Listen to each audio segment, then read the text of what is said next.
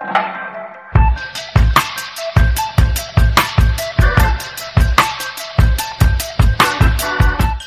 hallo allemaal, leuk dat jullie zijn blijven hangen voor de tweede aflevering uh, van onze podcast. We zijn hier vandaag met Fons Jansen en uh, ik ben Rens Holtkamp, de voorzitter van de Jongeren Global Goals. Ja, ik ben Esmee Sanders en ik ben uh, lid van de Global Goals OS. En onze gast? Ja. Vertel. Ja. Fons Jansen, nou, vanuit helemaal in Veulen, noorden van Limburg. Ben heel blij, Rens en Esmee, dat jullie me uitgenodigd hebben voor dit bezoek hier in, in Os. Ik ben er twee jaar geleden voor corona ook geweest met een grote chemische prijsvraag van jonge chemici hier van het Pivot Park, van de geneesmiddelen inderdaad, met elkaar strijden. Wie werd de slimste chemicus van Nederland? Dus ik ben uh, heel blij om uh, weer terug te zijn in Os. Nou, wij zijn blij dat je er ja. terug bent. Wij beginnen altijd met uh, wat, wat, wat. Dus wat speelt er bij ons en ook bij de gasten. Dat is toch een leuk inkijkje. Nou, ik ben uh, cum laude geslaagd, dus dat vind ik heel leuk.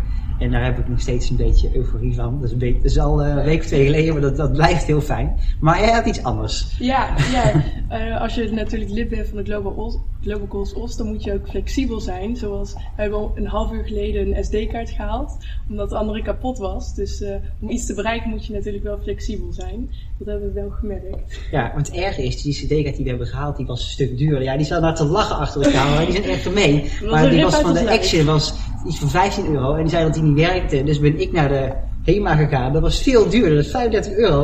En die van de Action, die werkte gewoon. Dat is echt erg. Dus daar is de gille grappen erachter, dus dat kan echt niet. Nou, we hebben in ieder geval beeldmateriaal deze keer erbij. Precies, dus, uh... Ja, dat wel. Uh, en jij? Wat ik deze week al meegemaakt heb. Ja, uh, acht jaar geleden. Afgelopen maanden. ik ben heel blij. Ik, heb heel veel werkbezoeken de afgelopen maanden gedaan. ik ben net afgestudeerd sinds februari. Ik heb momenteel een tijdelijke baan bij de VTU-federatie. Dat is een samenwerking tussen de technische universiteiten van Nederland. Dus de Technische Universiteit van Delft, Eindhoven, Enschede en Wageningen, waar ik zelf gestudeerd heb. En, en ik ben heel blij dat die werkbezoeken klaar zijn en dat we naar ons laatste element in september kunnen werken. De techreden van Nederland. Leuk. Oké, okay, ja. dus je gaat er een eind aan breien aan je onderzoek. Ja, we gaan een, een, een, groot spektakel maken over de rol van technologie om onze maatschappelijke vraagstukken op te lossen. Dus denk aan bijvoorbeeld zorg, of aan uh, digitale veiligheid, maar ook duurzaamheid. En met name duurzaamheid vind ik wel belangrijk. Ja. Nou, dan uh, voordat we verder gaan, want jij nog allemaal vragen, moet ik nog even een foutje herstellen van de vorige keer. Ik had het over het boek Sapiens, een kleine geschiedenis van de mens. En toen heb ik volgens mij Noah Yuval Harari gezegd, maar dat moet Yuval Noah Harari zijn. Het is maar een kleine fout, maar toch voor integriteit ga ik hem even, even hersteld hebben. Nou, dan uh, ben jij als wet. Ja, je vindt uh, klimaat en, uh, heel interessant en leuk. Maar wanneer is die interesse eigenlijk begonnen en waar eigenlijk? Nou, ik kom niet uh, van een huishouden af, of tenminste van een familie die heel erg begaan is met het klimaat. Uh, ik heb wel uh, bewustzijn gehad dat je voor je gemeenschap moet zorgen. Ik kom uit een klein dorp met 500 mensen en je kent elkaar. Dus als je er nou bent, dan help je elkaar of je moet iets gedaan krijgen. zoals bijvoorbeeld het, het dorpsplein bijvoorbeeld opnieuw in, nieuw aanleggen. Of onze historische dag die we ieder vijf jaar organiseren, komt iedereen meehelpen. Uh, dat bewustzijn van klimaat is echt vanuit het onderwijs gekomen. ik ben zelf twee, 25 jaar oud. Uh, en ik zat toen in de middelbare school, keek bijvoorbeeld naar de documentaire van Al Gore. Um, die uh, ja, gewoon heel veel impact maakte voor een bewustzijn over van jongens, we hebben een groot klimaatprobleem, laten we daaraan werken. Want de schades zijn veel groter dan de investeringen die we maken. Ja, ja. En van waar het klimaat? Want we hebben ook maatschappelijke andere problemen zoals armoede, hongersnood. Uh, waarom het klimaat?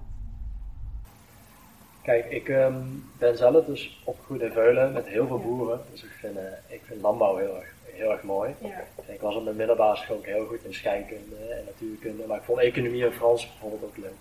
Maar met name die exacte vakken vond ik echt leuk. En ik kwam er eigenlijk achter hoe snel de ontwikkelingen gaan in de chemie en in de microbiologie. Dus alle schimmels en bacteriën, om duurzame stofjes te maken. Dus ik realiseerde me van, hé, hey, als je de landbouw nu koppelt aan de industrie, dan kan je gewoon heel veel nieuwe duurzame dingen maken. Want een van de grootste uitstoters ook in Nederland is de industrie. Ja. Maar we hebben wel alle spulletjes nodig um, die de industrie maakt. Dus wij zijn ook zelf eigenaarschap. Hoe gaan we die spullen duurzaam maken met z'n allen? De hele keten en het ecosysteem, hoe organisaties met elkaar samenwerken. Ja. Dus die uh, bio-based economy, zoals dat genoemd wordt, hè, dus wel van hernieuwbare grondstoffen werken, dat vond ik heel erg interessant. En dat is ook een van de ja, grote oplossingen om klimaat verandering tegen te gaan. Doordat we schone producten maken voor een circulaire Ja. ja. Dat klinkt dan wel als een vrij, uh, voor mij dan, als een vrij praktische keus. Over, nog boven de idealitere keus van, oh je, je kunt er veel mee en we kunnen hier veel winst mee maken. Dus ik ga hem inzetten voor het klimaat. Want ik heb persoonlijk gehad, ik vind van alle onze doelen, ik vind ze allemaal natuurlijk belangrijk. Ik heb zelf ook de meeste affiniteit met het klimaat. Als bij mij denk ik wat meer idealistischer, want ik ben toen naar een, uh, een lezing geweest van, oh, ik weet de naam kwijt, van die ruimtereizigers. Uh, dat is erg hè? Hoe heet dat nou? Oh ja, André Kuipers. Ja. Dankjewel. Dat was André Kuipers. Ik ben super slecht met naam, dat is een beetje pijnlijk. Maar in ieder geval van André Kuipers. En die zei van, ik keek ooit naar een, naar een satelliet of naar een ruimteschip dat om de aarde heen cirkelde.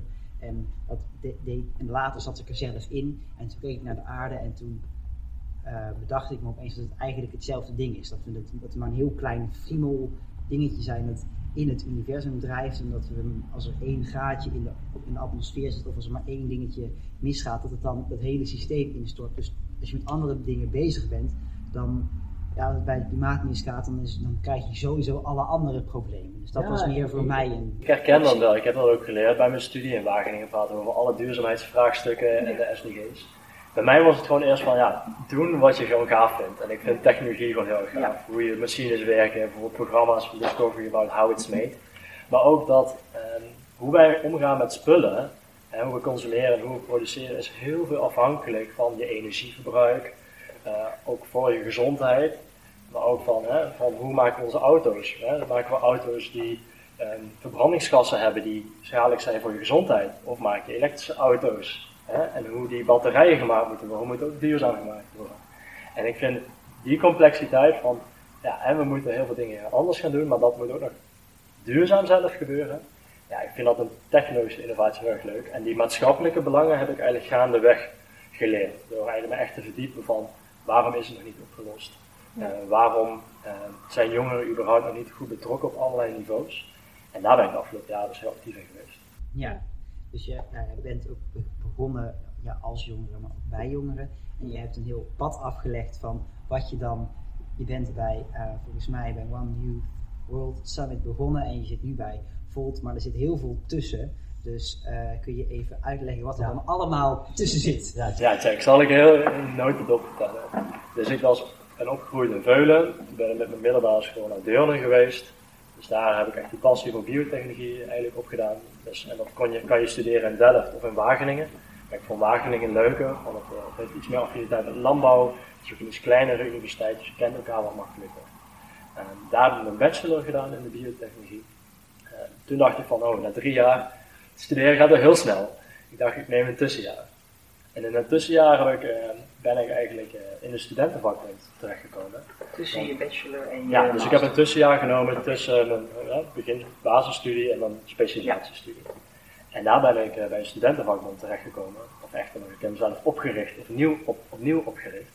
Eh, want door bezuinigingen van de Rijksoverheid kregen we avondcolleges. Ja. En niemand zit te, le- zit te wachten om s'avonds les te krijgen. En nu met corona en met digitaal onderwijs is alles wat flexibeler geworden. Maar het is heel belangrijk dat je gewoon tijd hebt om samen te reflecteren op van wat leer je allemaal met de studie, of tussen studies, of lekker even samen relaxen of sporten. Is ook gewoon heel belangrijk voor een student. En door die studentenvakbond heb ik gewoon heel veel geleerd van hoe belangrijk het is dat je eh, weet hoe besluitvorming gedaan wordt. En als studentenvakbond ben je kritisch op de studentenraad en de universiteitsraad. Ehm, maar ook hoe belangrijk vertegenwoordigerschap bent. Want je probeert als vakbond de belangen van de studenten te vertegenwoordigen.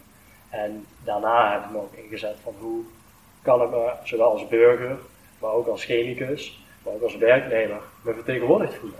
Want er gaat gewoon heel veel mis in deze wereld. En je moet zorgen dat de mensen die verantwoordelijk zijn, ook aan de mouw kan trekken. Ja. Daar heb ik eigenlijk veel geleerd van hoe belangrijk het is om midden in de maatschappij te staan.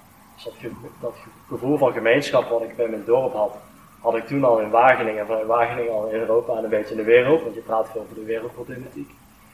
En ben daarna, bij mijn master, heb ik gewoon besloten biotechnologie te doen, want ik vond het gewoon nog steeds leuk, was een goede keuze. En toen bij de Nederlandse Chemievereniging, de vakvereniging actief geworden. Toen bij het Klimaatakkoord betrokken geraakt via een stichting voor Young Professionals voor duurzaamheid. En eh, de, de afgelopen jaren in Europa en nu ook bij de politiek actief geworden. Oké. leuk Ja, dat je, zo, dat je zoveel hebt meegenomen. ja. Je zegt ook al sinds jongs af aan ben je eigenlijk al bezig met het klimaat ook.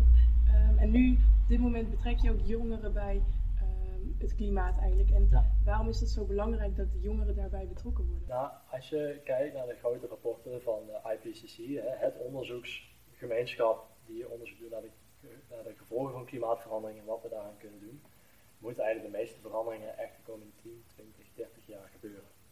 En dat betekent dat onze generatie, jij en ik, gaan dat helemaal meemaken en nog de periode daarna. Dus het is gewoon heel belangrijk dat we als generatie echt voor onze belang opkomen. En ook echt met de generatie boven ons en, onder ons echt zeggen van jongens, wij moeten het uitvoeren. Alle plannen die nu gemaakt komen, komen op ons bordje.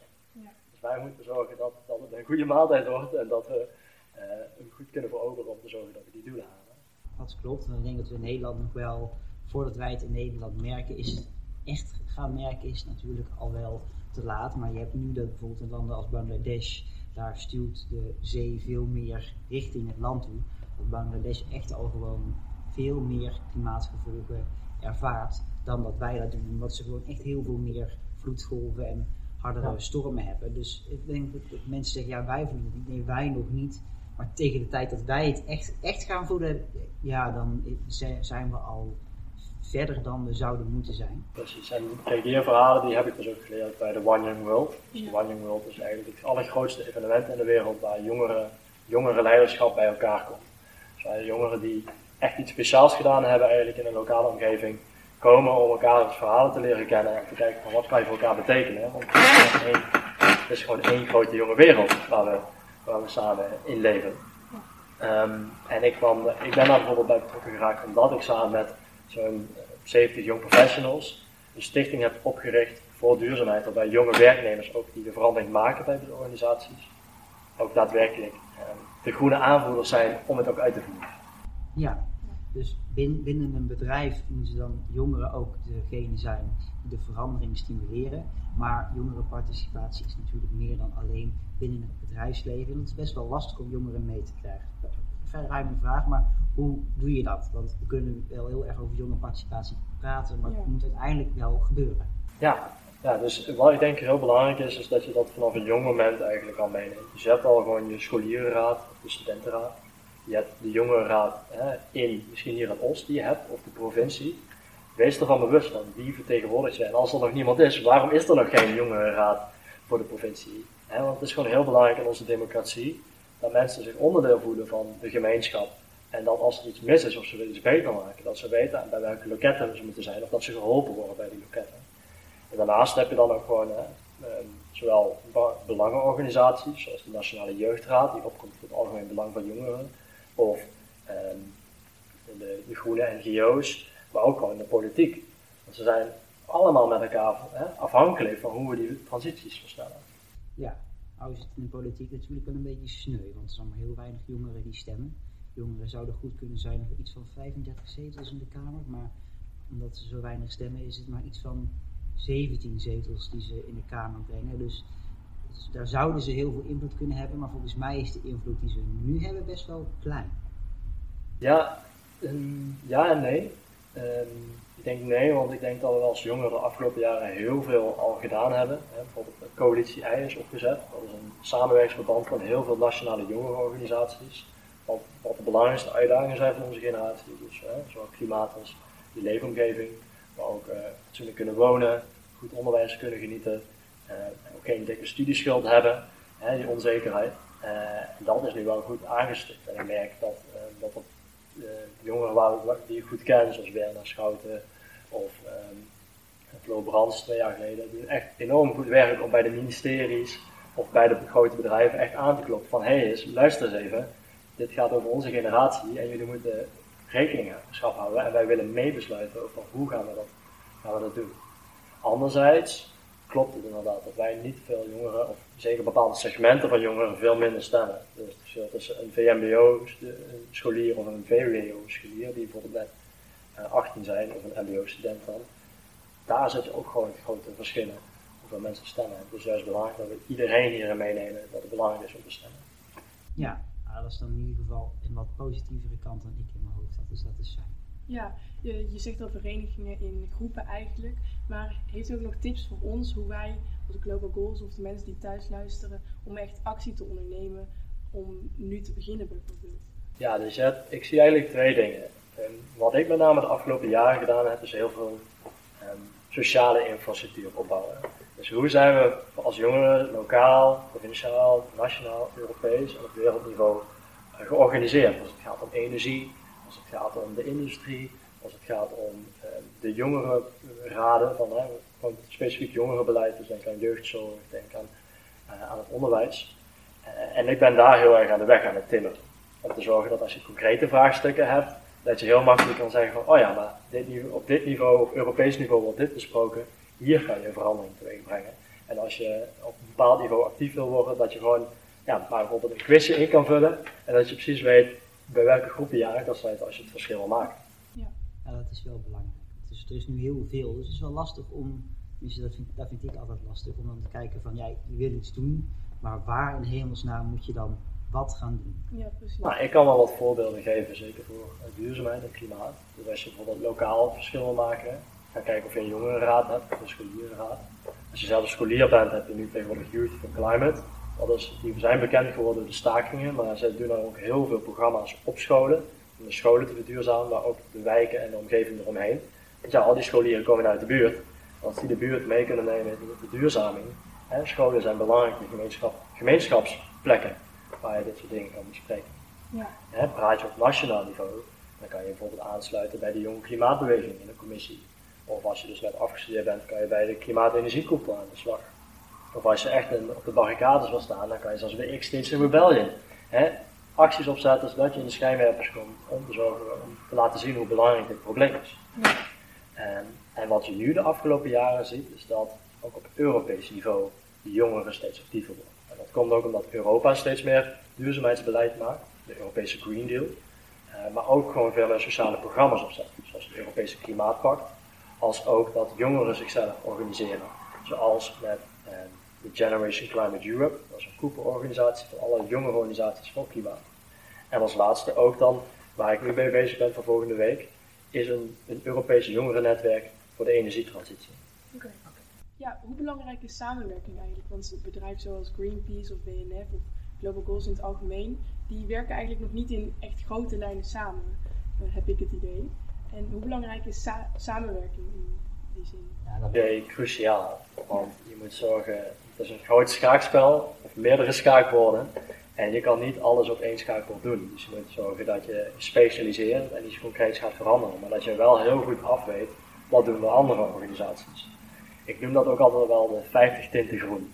Want je hebt uh, echt de rasradicalen die acties opzetten. Maar ja, ook lijkt meer op Extinction Rebellion. Extinction dat Rebellion. extreem. Hè, maar dan heb je ook daarna heb je dan bijvoorbeeld uh, jongeren milieuactief van Milieudefensie. Of de jongerenwerkgroep bij WWF hier in Nederland. Dan heb je de jonge klimaatbeweging. En als je dan nog wat dichter bij de status quo zit, dan zit je daar bij de politieke jongerenorganisaties. Of um, bij de klimaat- en energiekoepel, waarbij je ook echt daadwerkelijk met de bazen aan het werken bent van helemaal wat moeten we vernieuwen in de duurzamingsstrategie of in de duurzamingsacties. Ja. ja.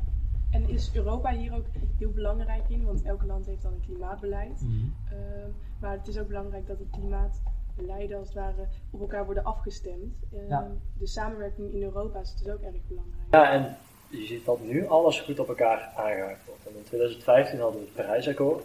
Toen dacht onze regering ook van, oké, we moeten echt versnelling maken. We hadden al een, al een plan om eh, energie, hernieuwbare energie sneller te ontwikkelen. Daardoor hebben we nu al heel veel windmolens op zee. Daar is daarna in 2019 het klimaatakkoord gekomen. En bij het klimaatakkoord is er vervolgens en Europees veel meer actie gekomen en lokaal. Dus lokaal heb je nu de regionale energiestrategieën. Dus je moet kijken van hier in Noord- eh, Noordoost-Brabant van hey, welke jongerenvertegenwoordiger is daar. Want daar hebben we ook gewoon jongeren tegenwoordig zichzelf georganiseerd om mee te praten over die plannen. Van eh, hoe wordt mijn starterswoning dadelijk verduurzaamd? Of willen we wel zonnepanelen of windmolens? Want heel veel mensen zijn negatief. Maar ja, die hebben altijd maar gewoon zo geleefd en zien niet in wat, eh, wat de schade van klimaatverandering ook hier in ons landschap kan zijn. Eh, en als la- daarnaast heb je ook Europees niveau. En dat is heel belangrijk, want ik heb met het klimaatakkoord geleerd dat heel veel dingen kan je niet in Nederland alleen oppakken. Als het gaat om spullen, circulaire economie, wij exporteren heel veel spullen en we importeren heel veel spullen. Ja. Hè? Eh, heel veel spullen bre- halen kopen we ook vanuit China via, Ali, Ali, eh, via AliExpress Ja.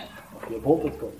Dus het is heel belangrijk dat we als Nederland tegen China kunnen zeggen van hé, hey, wij willen duurzame spullen hebben die ook hier goed te recyclen zijn in plaats van te verbranden. Alleen Nederland kan dat niet, dat moet je via de Europese Unie doen. Ja. Of ook als wij minder willen vliegen, maar je wil wel gewoon vakantie in Frankrijk, naar Zuid-Frankrijk. Dan is het veel fijner als er een snelle treinleiding is die ook gewoon nog betaalbaar is. Ja, dat kan je niet in Nederland doen. Dan moet je met België en Frankrijk of juist op Europees niveau samen organiseren. Ja. En ook met energie. Zijn alle netten zijn met elkaar verknoopt. Dus we kunnen niet zomaar dus gascentrales uitzetten. We moeten echt samen met Duitsland praten van hé, maar hoe wordt de stroomvoorziening gedaan om te zorgen dat we altijd stroom hebben. Dat China was wel een eh, belangrijk punt, althans ik een belangrijk punt, want we hebben dan- de- bijvoorbeeld het klimaatakkoord van Parijs hebben we dan gemaakt, maar je ziet in werkelijkheid dat er nog niet alle landen die er mee zijn, daar, eh, hebben ondertekend, dat die het ook echt, echt willen halen. Er hoort Nederland ook bij, we gaan relatief goed, maar het is, volgens mij zitten we op va- 49% in plaats van 55%. Dus er zit, er zit nog iets van... eh, van wachten en we doen het later wel. Een van de redenen is dan China, dat mensen zeggen, ja, China is een hele grote vervuiler. En jij zei van, eh, maar China maakt onze spullen. Dus in principe als wij zeggen van, wij, wij willen eh, duurzamer consumeren. En wij consumeren ook alleen nog maar als het duurzaam is. En krijg je dus ook eh, andere landen als China mee. Maar dan moet je dat dus wel met z'n allen doen. Want als Ja. alleen Nederland het zegt, dan zegt China, ja, boeien, het is Nederland. Dat, Ja. maakt, dat, is, dat is klein dan Hongkong. Dat maakt voor China echt niet uit. Nee. Twee dingen hierbij. Hè. Dus Europa gaat ook rekening houden. Want waar we nu in Europa mee bezig zijn, is dat we eh, du- niet duurzame spullen op het gebied van CO2-uitstoot, eh, die minder duurzaam zijn dan Europese spullen, dat we die duurder maken. Dus dat er een verschil in CO2-belasting komt. Eh, maar anderzijds dat we ook goede afspraken moeten maken met China. Want eh, China werkt anders. In Europa hebben we altijd hoge ambities, maar eh, is het realiseren altijd moeilijk. China is gewoon veel meer recht toe, recht aan. China zegt, we willen klimaatneutraal zijn in 2060. Dat is niet voldoende voor anderhalve graden. Want, maar China speelt wel een dubbele rol. Enerzijds bouwen ze, hebben ze nog heel veel kolencentrales die ze nog willen bouwen. Terwijl we heel duidelijk weten dat we zo snel mogelijk van fossiele brandstoffen af moeten. Maar anderzijds maken ze ook de meeste zonnepanelen van voor de hele wereld. En zij hebben- zijn nu ook al de grootste elektrische autovloot die ze aan het opbouwen zijn. En ook heel strategisch weten hoe gaan wij die batterijen maken en hoe gaan we die grondstoffen bij elkaar halen. Het is belangrijk dat we daar in Europa ook nadenken van hoe gaan wij dat ook doen om strategische samenwerking op te zetten. Hoe wij hier de spullen ook duurzaam doen. Ja. Ja. ja.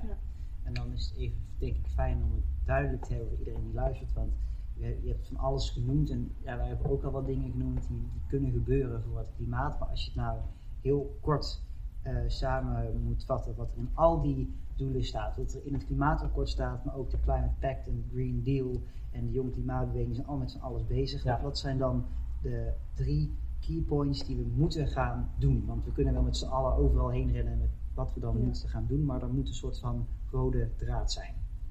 Nou, ehm, dus, dus ik denk niet, hè, klimaatactie is gewoon echt heel breed. Je moet het op alle niveaus doen. Dus ik denk niet dat er drie hoofdthema's zijn. Wat het wel belangrijk is om te realiseren, is dat de uitstoot van vijf grote sectoren zijn.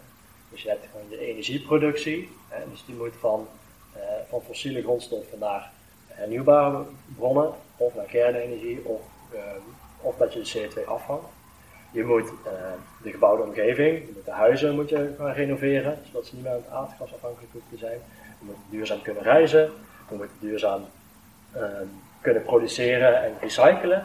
En eh, we moeten ook duurzame landbouw bedrijven. En dat zijn wel de grootste sectoren die de uitstoot maken. Geen drie, maar vijf. Ja, vijf, Oké. waar je op kan focussen. En daarnaast heb je dan ook nog gewoon financiering en ook overheid. Ja. En daar moet je ook rekening hebben van. Hè? Hoe wordt jouw geld geïnvesteerd als jij dadelijk je pensioen gaat bouwen? Maar ook hoe wordt jouw geld benut als je het op de bank hebt staan? Het is heel belangrijk om te realiseren, want dat geld wordt gebruikt weer om projecten te financieren. Ja. En daar moet je ook kritisch van zijn. Dus iedereen heeft een rol te spelen in zijn of haar sector. Ja. En het is gewoon heel belangrijk om voor jezelf af te kaderen van wat wil je zelf specifiek veranderen en hoe krijg je daar ondersteuning van allerlei andere mensen. Ja. Je zei natuurlijk wel, het is heel breed, maar ik persoonlijk denk om, om jongeren mee te krijgen dat het belangrijk is om een soort van, je kunt het bij oefening te zijn, maar dan kun je ook bij die vijf hoofddoelen houden, om in ieder geval duidelijkheid te geven van de situatie. Want wat mensen niet begrijpen, vinden ze vaak eng en dan doen ze niet mee. Dus ik denk dat het, als je jongeren mee wil krijgen, maar jij hebt, een, heeft daar misschien een andere mening over, dat het wel belangrijk is om te zorgen dat, het, dat je het echt noemt als vijf hoofdpunten, terwijl het misschien een beetje platgeslagen is, maar dat dan mensen in ieder geval zeggen, oké, we gaan voor die vijf doelen werken en dan zijn er natuurlijk andere dingen, maar dat dat echt een duidelijk beeld is voor mensen. Ja, dat hebben we ook wel nu met het klimaatakkoord afgesproken. De Europese Green Deal is wat complexer en op wereldniveau met het akkoord van Parijs zijn het eigenlijk veel meer de doelstellingen en ook hoe we de schade gaan betalen voor de landen waar schade is voor het klimaat. Uh, zoals met Bangladesh wat je zei, dat ook hele stukken land uh, gezouten worden door het zeewater, waardoor boeren gewoon geen, geen goede oogsten meer kunnen hebben. Uh, dus ik denk dat, ja, dat we vanuit Nederland hebben vanuit veel jongeren meest duidelijk beeld van hey, wat gebeurt er, of vanuit je eigen lokale gemeente. Want, alles wat lokaal en concreet is, dat is het meest makkelijk om aan te werken. Uh, en ik denk wat de komende jaren belangrijk is, is ook te vertellen van welke Europese programma's je kan gebruiken om dat te doen. Dus bijvoorbeeld, we zitten hier 100 kilometer van Duitsland vandaan, kunnen we een uitwisselingsprogramma opzetten van hoe gaan wij hier de huizen slimmer renoveren. Want kijk, jongeren hebben nog geen, zelf geen huis. Als student heb je wel een kamer, dan heb je vaak een huurbaas. Maar je kan, wel met je, maar je kan wel met je ouders en met je huurbaas in gesprek gaan. Van hé, maar hoe kunnen we ons huis sneller isoleren of een zonnepaneel op het dak zetten als de, als de dakconstructie werkt. Ja. En er is heel veel geld en heel veel programma's beschikbaar. Maar jongeren weten ze eigenlijk vaak niet te benutten omdat ze niet weten dat, dat ze er zijn. En daarom is het heel belangrijk dat we juist jongere organisaties opzetten die die programma's ook naar jongeren kunnen brengen die met goede ideeën zitten. Ja, en ik denk ook vooral uh, om jongeren mee te krijgen, is dat je ook laat zien waarvoor we het doen. Omdat jij al in het begin van de podcast ook zei dat wij later alles op ons bordje eigenlijk ook krijgen. Dus dat ook laten zien uh, waarom we het doen. Dat dat erg belangrijk is, dat we ergens naartoe werken. Ja. ja. En daarvoor is ook uh, onlangs de Europese Klimaatpact opgezet. Dus ik ben zelf ambassadeur daarvan. Ja. Wat het Europese Klimaatpact doet, is echt dat niet alleen maar de, de Brusselse bubbel actief is met het klimaat, maar dat iedereen een steentje kan bijdragen. En dan kan leren van, hé, maar hoe kunnen we ook in Europa met burgers, met ehm, jongeren, met uh, bedrijven en ook NGO's veel makkelijker samenwerken. En ook dat de mensen die minder betrokken zijn, ook betrokken worden. Dus denk dan bijvoorbeeld aan uh, expats of Europese mensen die hier in Nederland wonen en die weten helemaal niks van het klimaatakkoord, maar willen wel iets doen voor de lokale omgeving. Of jongeren die bijvoorbeeld op de grensregio's wonen, zijn vaak veel minder betrokken dan de jongeren die in de steden wonen. En daar zijn, dat zijn elementen die zo'n Europese klimaatpact heel effectief kan, kan oppakken. Omdat zij gewoon, eh, jongeren zoals zij en ik, gewoon heel makkelijk kunnen activeren om die Europese eh, programma's te benutten. Ja. Uh, dus een daarvan is een uh, vrijwilligersuitwisseling. Anderzijds zijn er programma's voor de grensregio's. Of je kan zelfs een zomerschool organiseren. Daar kan je met Erasmus Plus mee aan de slag. En ja, dat vergt veel administratie. En administratie is saai, want je moet eerst een heel plan hebben en ook verantwoorden. Maar het gaat om heel veel beschikbaar geld. Dus als wij organisaties kunnen hebben die dat voor ons kunnen doen, met professionele mensen, dus uh, mensen die bijvoorbeeld het MBO-administratie doen, of uh, die bij de jongerenraad actief zijn, of een professionele uh, bureau die dat organiseert, ja, dan, dan, kunnen we samen veel meer verschil maken. Ja, en je hebt ook wel eens gezegd, realisten hebben gelijk en optimisten die hebben succes. En waar komt dat motto eigenlijk als het ware vandaan? Ja, kijk, ik, uh, vaak krijg je de vraag van, hey, anderhalve graad, ben je optimistisch of ben je pessimistisch of we dat gaan halen? En ik denk wat heel belangrijk is, is dat ehm, we realistisch moeten kijken van, jongens, wat is de situatie nu? Maar dat we optimistisch zijn van, wat is nog meer mogelijk? Want ik zie eigenlijk dat mensen heel vaak vanuit achteruit kijken van wat zijn de ontwikkelingen en hoe kunnen we dat versnellen. Terwijl wij als jongeren zien de laatste ontwikkelingen die nu gebeuren. En wij kunnen een nieuwe realiteit maken. Dus ik ben bijvoorbeeld betrokken bij Impactors. Dat is een, eh, een app voor acties voor SDG's. Dus misschien kennen jullie TikTok, want dat is alleen maar voor gezelligheid en heel veel gekke, gekke dingetjes te zien. En Impactors werkt zoals TikTok, maar is vooral heel veel om te zorgen dat jonge mensen over de hele wereld met elkaar verbonden raken om iets te doen voor de SDG's. Um, en misschien ook wel leuk voor ons. Ja, ik zat ook wel te denken, leuk. Ja, twee keer iets mee. Ja, ja. Ze, ze, hebben de app al op, op iPhone en op Android gaan ze binnenkort online. Eh, ik zie bijvoorbeeld ook dat um, je dus nu ook op Europees niveau met werkgroepen mee kan doen om bijvoorbeeld te zorgen dat we internationale treinen sneller krijgen. Of dat we duurzame landbouw kunnen, kunnen krijgen. Want ja, weet je, het is vaak hoe het werkt in de wereld. Heel veel mensen zijn lokaal en nationaal actief, maar Europees en, en internationaal bijna niet. Nee. Terwijl met digitalisatie, en als je Engels kan praten, kan je bijna met iedereen in de wereld spreken om dingen samen voor elkaar te krijgen. En misschien ook wel leuk voor ons. Ja, ik zat ook wel te denken, het is leuk. Ja, eh, moeten we een keer iets mee Ja. eh, ze hebben de app al op, op iPhone en op Android gaan ze binnenkort online. Eh, ik zie bijvoorbeeld ook dat ehm, je dus nu ook op Europees niveau met werkgroepen mee kan doen om bijvoorbeeld te zorgen dat we internationale treinen veel sneller krijgen. Of dat we duurzame landbouw kunnen, kunnen krijgen. Ja, en ik denk wel dat dat met jongeren steeds meer is. Ik denk dat als je de jongere generatie van nu vraagt van voel je je wij dan Ossenaar of Brabander of Nederlander of Europeaan of wereldburger. En hoe jonger je kijkt, hoe meer je gaat zien dat mensen zeggen ik voel me eigenlijk wel Europeaan. Ik voel me eigenlijk wel wereldburger in plaats van Ossenaar of zo. Ja, ik, ik denk juist eh, zelf, om ook een beetje te kijken van wie zijn er allemaal lid bij Volt. Hè. Volt is een nieuwe Europese partij die in heel veel landen in Europa meedoet. Er zijn 17 landen zijn al officiële partij en er zijn het 16.000 leden verspreid over dit continent.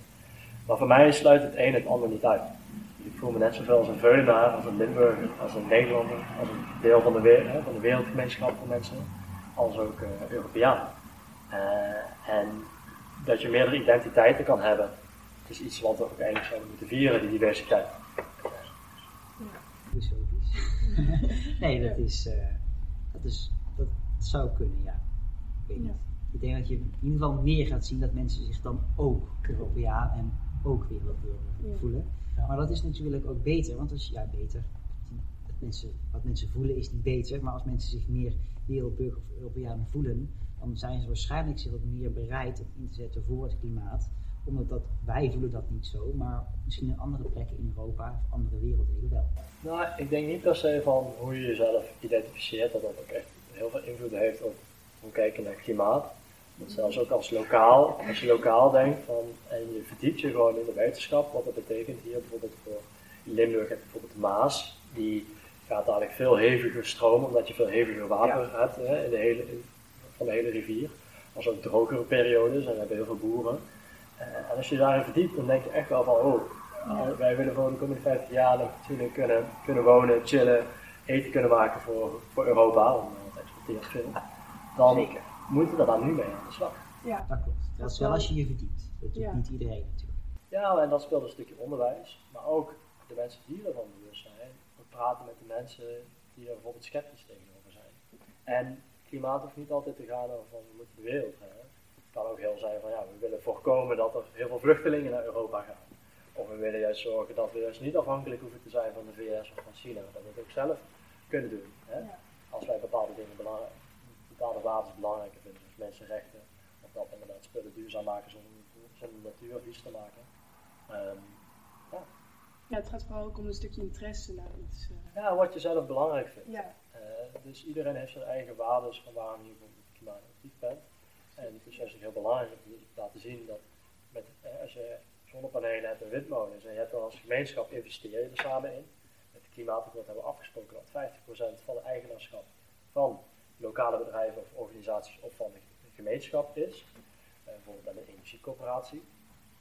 Dan heb je ook zelf voordeel dadelijk van de winst die eruit komt. Hè? Dan was klimaat wel inderdaad heel lokaal. Dat is wel, dat is wel Ja. een goede ontwikkeling. Daar heb ik niet zo van. Nee. Leuk.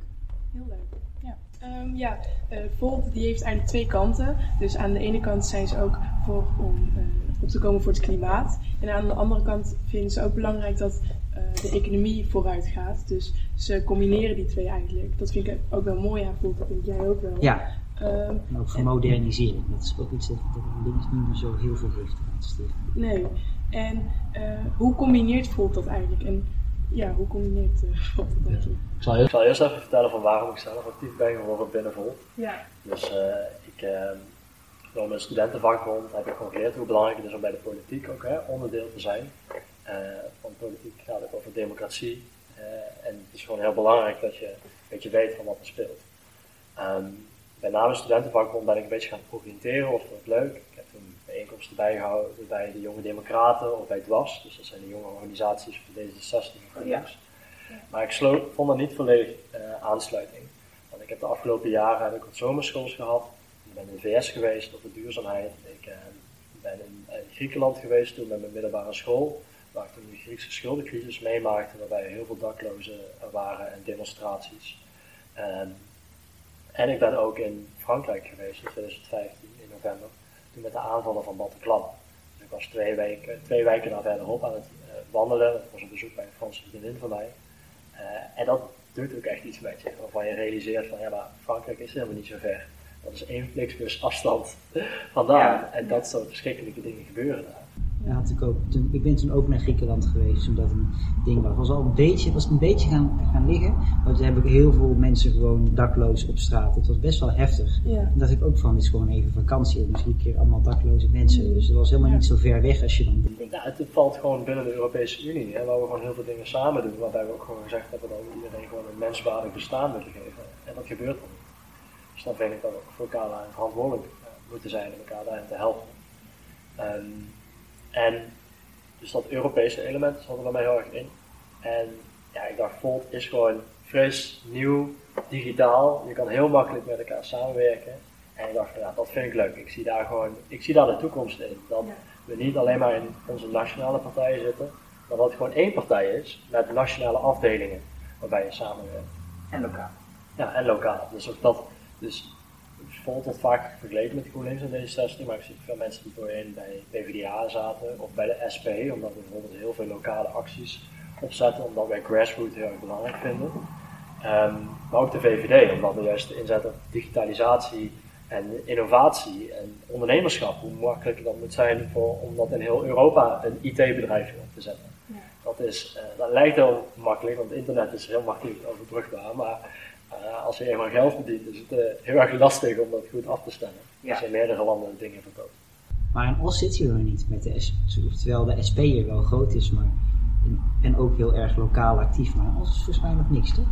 Eh, ja, ik denk bij Volt zijn we gewoon heel erg actief in de grotere steden. Dus in Den Bosch hebben we wel de regio Os en Den Bosch. Dus daar hebben we het samen. Eh, en we zijn heel erg actief in de grensregio's en in de, in de grote steden.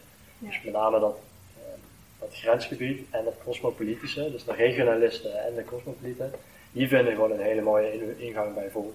Als ook ehm, om gewoon als je concrete dingen wil fixen, dat je gewoon heel makkelijk Europees en nationaal en lokaal met elkaar kan verbinden. Ja. Eh, die schakel is heel handig. Ja, en omdat we een digitale partij zijn, kan je veel makkelijker samen dingen opzetten. En daar geloof ik geloof heel erg dat de politiek eh, sowieso Europeeser en digitaler gaat worden. We hebben het al gezien door de corona dat we Ja. digitaal campagne moesten voeren. Eh, en al die tools en samenwerkingen die blijven natuurlijk eh, gewoon hangen. Ja. En we hebben het daar in de voorbespreking over gehad, want Volt is ook eh, voor kernenergie. En jij was een beetje schuchter van, nou, dat is misschien een beetje, gaan we te diep op de, op de stof in. Maar dat is toch heel interessant, want in alle, ja, dan ben ik serieus, in alle politieke partijen die het klimaat, klimaat heel belangrijk vinden, maar ook Greenpeace en het WNF en Extinction Rebellion en eh, Milieudefensie. Al die organisaties zijn of gewoon tegen of valikant tegen kernenergie. En jullie hebben op een of andere manier de keuze gemaakt om dat toch eh, te willen. En dat is best een bijzondere keuze, dus misschien kun je die even toelichten. Ja, kijk, ik denk dat het wel te maken heeft met een nieuwe generatie in de politiek. Veel van die organisaties komen toen uit de jaren 60, 70, waar je met kernwapens hè, gewoon heel veel problemen heeft. En dat is gelukkig met internationale akkoorden een stuk ingedampt. En kernenergie kan je ook gewoon veilig doen, zonder dat je eh, kernwapens maakt. Als je maar netjes met je afval omgaat, het is wel radioactief. Kijk, hoe we vanuit Volt zeggen, we zijn het meest ambitieuze klimaat van alle partijen. Wij zeggen, wij willen in 2040 op klimaatneutraal zijn, terwijl de meeste partijen 45 of 50 zeggen. En dat kunnen we alleen doen, hè, als mensen het vooral vanuit Volt doen, als we ook echt Europees hierin gaan samenwerken. Dat we echt aansturing hebben hoe we de energieinfrastructuur gaan doen. Hoe we die hyperloops gaan ontwikkelen, zodat we dit vliegtuig niet meer hoeven te nemen. Hoe we ook ehm, niet alleen maar ehm, huizen gaan bouwen met eh, beton en bakstenen, maar dat we prefab gaan bouwen. Dus dat er gewoon grote bedrijven zijn in Europa die gewoon eh, als een Lego-huis de dingetjes in elkaar maken. Daardoor kan je die innovatie juist opstellen, want heel veel van de bouwmarkt is vaak nog nationaal georiënteerd. Ehm, en dan is dat mogelijk. En als het dan gaat om de energietransitie, we zijn eigenlijk voor, eh, bio, voor bio-energie, als het maar gewoon eh, duurzame grondstoffen zijn. Dus niet als je hele bomen gaat omhakken, maar dat je juist de reststromen gebruikt. Of van oude meubels die je niet meer gebruikt, of het restafval, wat, of het groene afval wat de gemeente bij elkaar hè, heeft. Ja, dus de biomassa van de tweede en derde generatie heet dat dan. Ja. ja. Niet het primair wat je kan eten, maar wat je als afval, als een reststroom hebt. Ja. Ja. En algen volgens mij wat daar ook bij. Ja, ja, maar dat ligt nog in een heel dun stadium. Dus wij zeggen van, de klimaatcrisis is zo groot, we moeten gewoon het alles, je niet in alles inzetten, gewoon, betekent gewoon dat je je doelen gewoon niet gaat halen. Ja. Want als jij dingen uitsluit, moet je ook heel duidelijk aangeven met modellen van hoe wil je het dan wel hebben als politieke partij. En wij hebben gewoon eigenlijk aangegeven van, ja, we hebben gewoon in Nederland en Noordwest-Europa, we hebben heel veel industrie. Dus wij hier in Nederland hebben Tata Steel, die maakt het ta- staal voor onze auto's, maar ook het staal voor onze windmolens. Dus je kan wel Tata Steel stoppen, maar dan komt het staal ergens anders uit Europa. Dus we moeten de staal verduurzamen om te zorgen dat we die windmolens maken en die we hier in Nederland kunnen plaatsen. Alleen het probleem is dat Nederland heel veel uitstoot heeft, maar dat Denemarken daar goede windmolens van kan maken voor heel Europa. Ja. Dus we moeten veel Europeeser denken van hoe we met die dingen omgaan. En als je moet de staalfabriek verduurzamen, dat gaat heel lastig. Dus je moet daar heel veel hernieuwbare energie voor gebruiken. Want nu gebeurt alles op kolen en op gas. En als je dus die zware industrie wil behouden en je wil hem verduurzamen, dan is kernenergie misschien een hele fijne optie. Want kernenergie geeft 24-7 stroom. Ja. En die stroom zou je ook kunnen gebruiken voor waterstof. En waterstof kan je in de industrie weer gebruiken voor eh, ketens voor hoge temperaturen. Om, om staal te maken heb je hele hoge temperaturen nodig. Dus je zegt eigenlijk, het is, mis- het is misschien niet om door de kernafval de geweldigste optie, maar omdat klimaat zo'n enorm gro- groot probleem is geworden, of dat hebben we eigenlijk zelf gedaan, dat is niet zomaar geworden, ehm, moeten we dat gewoon meenemen in de oplossing, anders gaan we er niet komen. Ja, de grootste uitdaging is gewoon zoveel mogelijk van fossiele grondstoffen af. Dus alles wat Ja. emissiearm is, doen. Maar alle oplossingen hebben plussen en minnen. Want windmolens, oh, lelijk in het landschap. Zonnepanelen, En oh, slaan vogels uit de lucht. Ja, Ja, ook al is dat maar 0,3% of, en dat is helemaal niets ten opzichte van het verkeer, wat uh, vogels bijvoorbeeld doodrijdt. Hè, Het is genoeg voor de pa- Partij voor de Dieren, voor de Partij van de Dieren om te zeggen, nou we doen het niet. Ja, maar denk ook naar hoeveel biodiversiteit er dadelijk verloren gaat als we niets voldoende doen voor klimaat. Hè? Ja. Ook daar gaan gewoon sterven heel veel diersoorten uit, omdat de temperaturen te hoog worden, zodat eh, rupsen bijvoorbeeld niet meer uit kunnen komen of niet meer de blaadjes kunnen eten. En waardoor vogels die die rupsen specifiek eten ook weer niet meer kunnen leven. Dus die hele natuur zit onbalans. En als je dan niets aan doet aan klimaat, dan, ben ik, dan kan je wel diepgroen zijn als kleur van de partij, maar dan ben je in mijn ogen gifgroen Ja. als het gaat om wat je echt daadwerkelijk aan Ja. wil doen. Ja. Dus ehm, om terug te komen bij die energie, hè, bij zonnepanelen, ja, dan zie je ook gewoon eh, dat bijvoorbeeld als het gaat om recycling, is dat nog niet helemaal doorgevoerd. Dus we werken met zware metalen erin, hoewel er ook weer alternatieven komen. Eh, als het gaat om bio-energie, ja, kan je ook bossen kapot maken, dat wil je ook niet. Dus je moet heel specifiek zijn van welke biomassa je wel gebruikt. Ja, dus alles heeft die plussen en minnen. En het gaat erom als politiek dat wij die besluit maken. Wat is die verhouding die we willen doen? En wat zijn de voorwaarden? En naar onze mening vinden wij dat we met kernenergie goede plannen moeten uitrekenen van is dit een oplossing voor 2040 eh, of 20, tussen 2040 en 2050. En daarna, als eh, alles gewoon goed loopt en alles is klimaatneutraal, dan vinden we ja, kernenergie is niet eh, hernieuwbaar. Ook daarvoor heb je brandstof nodig, kernbrandstof. En, eh, dus dat willen we dan op een lange termijn in 2100 dan bijvoorbeeld hebben. Stapgewijs af faseren. Ja. Ja, dat is ook denk ik wel nodig, want bijvoorbeeld de- Groenland heeft nu besloten dat ze de uraniummijn niet eh, willen plaatsen. Dus je kunt niet met uranium oneindig lang eh, kernenergie volhouden. Dat gaat ook gewoon niet. Nou ja, gelukkig komen er ook nieuwe initiatieven, hè, zoals kernfusie, Ja. of nog eh, recyclebare zonnepanelen en nog hogere windmolens die nog effectiever de windenergie kunnen opwekken. Ehm, en die progr- programma's zijn allemaal Europees. Al die ontwikkelingstrajecten, Ja. al die ontwikkelingstrajecten doen wij niet alleen in, in, in onze technische universiteiten, dat doen we eigenlijk in grote internationale wereldwijd en Europese samenwerking om dat te doen. En die realisatieslag van hé, maar we doen dit al, ja, als je dan alleen maar terug alles nationaal wil doen, dan snij je gewoon in je eigen vingers. Ja. Want Nederland is een heel erg kennisintensief land. We maken gewoon heel veel geld en banen, doordat we juist altijd voorop lopen in technologie natuurlijk. Ja, oké. De samenwerking is dus dan heel erg belangrijk dat je met elkaar brainstormt hoe je dat doet. Ja. Ja, precies. Nou, dan heb ik nog één inhoudelijke vraag. Eh, wat vind jij van de, de kledingindustrie? Want er wordt jaarlijks nu iets van 14 miljoen ton aan kleding verbrand. Omdat het niet meer in de mode is, of omdat de, kleding, de fast fashion industrie het liefst weer een hele nieuwe soort mode heeft. Want een nieuwe soort mode betekent dat mensen opnieuw een heel nieuw soort kleding gaan kopen. Dus daar, en dat is ook iets dat heel verspreid is over de hele wereld, waardoor je daar heel moeilijk uh, actie op voert. Want in Nederland is maar een heel klein gedeelte van die hele stroom.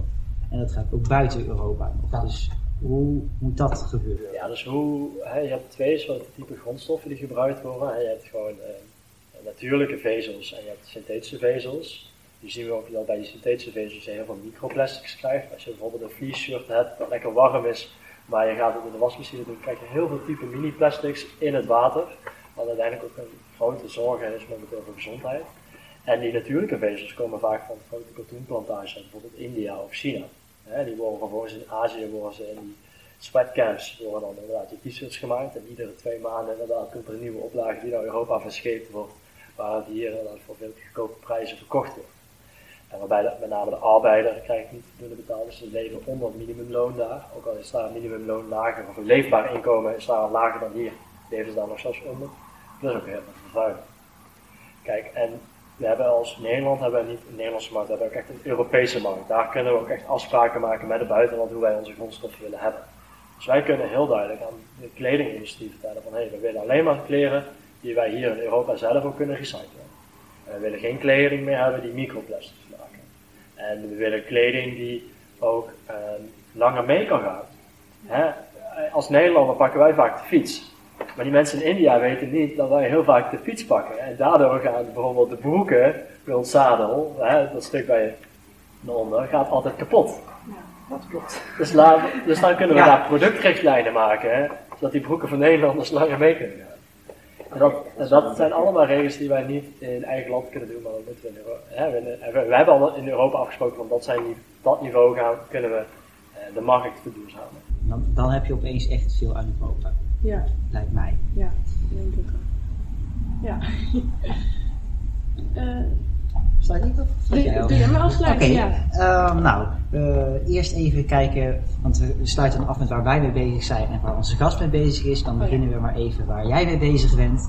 Uh, dus wat in jouw directe toekomst, waarbij je denkt van, oh, daar ben ik mee bezig. En dan heb ik, ga ik mensen voor vragen en dat vind ik echt heel leuk dat, dat we dat gaan doen. Ja, dus, ja, dus uh, volgende week dinsdag lanceer ik bijvoorbeeld dus de Europese Jongeren Energienetwerk. Dat wordt met wordt dat uh, nationaal en Europees bekendgemaakt. Waarbij alle jonge professionals en studenten in de energiesector bij elkaar, uh, elkaar kunnen vinden. Dus daar ben ik heel erg blij mee om te doen. En we hebben die techreden in september die we gaan lanceren. Waarbij we eigenlijk een nieuw groot verhaal maken van Nederland van hoe kunnen we technologische innovaties versnellen. En daarna ga ik een baan zoeken. Dus uh, ik ben afgestudeerd, ik heb nu een bijbaan en ik doe al deze leuke projecten daarnaast. Uh, maar ik zou het ook heel erg leuk vinden om nu dadelijk gewoon echt 30, 40 uur echt met één project bezig te zijn en ja. iets concreets te veranderen over duurzaam. Dus je moet dan waarschijnlijk wel iets van al die andere zijprojectjes misschien laten vallen. Ja, minder doen. Hè? Dus je moet ja, keuzes ja. maken, of je maatschappelijk of in het bedrijfsleven of in de politiek actief wil doen. Maar juist in al die dingen wel een beetje um, actief luisteren wat er speelt en ook je eigen bevindingen delen met anderen. is heel belangrijk om te zorgen dat we uh, sneller verduurzamen en dat we uh, bijvoorbeeld volksbeting gaan doen. Maar ook dat we tussen de partijen veel beter praten van hoe kunnen we dat veranderen. Ja. Of uh, hoe we tussen bedrijven die ketens duurzaam kunnen maken. Dus we gaan het zien. Dus je moet dan waarschijnlijk wel iets van al die andere zijprojectjes misschien laten vallen. Ja, minder doen. Hè? Dus je moet ja, keuzes maken, of je maatschappelijk of in het bedrijfsleven of in de politiek actief wil doen. Maar juist in al die dingen wel een beetje um, actief luisteren wat er speelt en ook je eigen bevindingen delen met anderen. is heel belangrijk om te zorgen dat we uh, sneller verduurzamen en dat we uh, bijvoorbeeld volksbeting gaan doen. Maar ook dat we tussen de partijen veel beter praten van hoe kunnen we dat veranderen. Ja. Of uh, hoe we tussen bedrijven die ketens duurzaam kunnen maken. Dus we gaan het zien. Ja, leuk project op de planning. Ja, Wij, ook, wij hebben ook wel wat het een en Ja. ander op de planning, toch? Maar we gaan sowieso met het impacters kijken, want dat vind ik wel echt leuk. Ja, Ik weet zelf wel verrassend weinig van TikTok en Instagram en zo, dus daar moet misschien iemand anders doen dan ik. Maar dat is serieus wel leuk. ja. En wij zijn natuurlijk bezig met eh, de podcast. En onze, onze vorige podcast heb ik jou aangekondigd, maar dat heb je denk ik ook al wel gehoord. En de volgende gaat met Lisette Krijscher en Maartje Post eh, zijn. En die hebben het boek Mijn Eat Plant geschreven. En die, volgens mij gaan die, of hebben die net het boek Family Eat Plant uitgebracht. En dat is erop gebaseerd dat heel veel mannen het nog onmannelijk vinden om vegetarisch te eten. Want het heeft een beetje de wollen sokken, uiterlijk en imago, om dat te veranderen. En ze doen ook veel met gendergelijkheid en klimaat. Dus dat, staat op de planning. En een podcast met eh, de Scene, heb ik ook benoemd. En we willen ook weer met de Scene gaan samenwerken. Want dat is die groep in Malawi die bezig is om Malawi het onderwijs en alle talentontwikkeling en ook eh, de boerenbedrijven daar te ondersteunen en verder te ontwikkelen. En dan hadden wij een project voor om op scholen jongeren eh, mee te krijgen in wat er daar gebeurt en wat er hier gebeurt en die samenwerking daartussen. Een soort van workshop had dat moeten zijn, maar door corona is dat niet doorgegaan.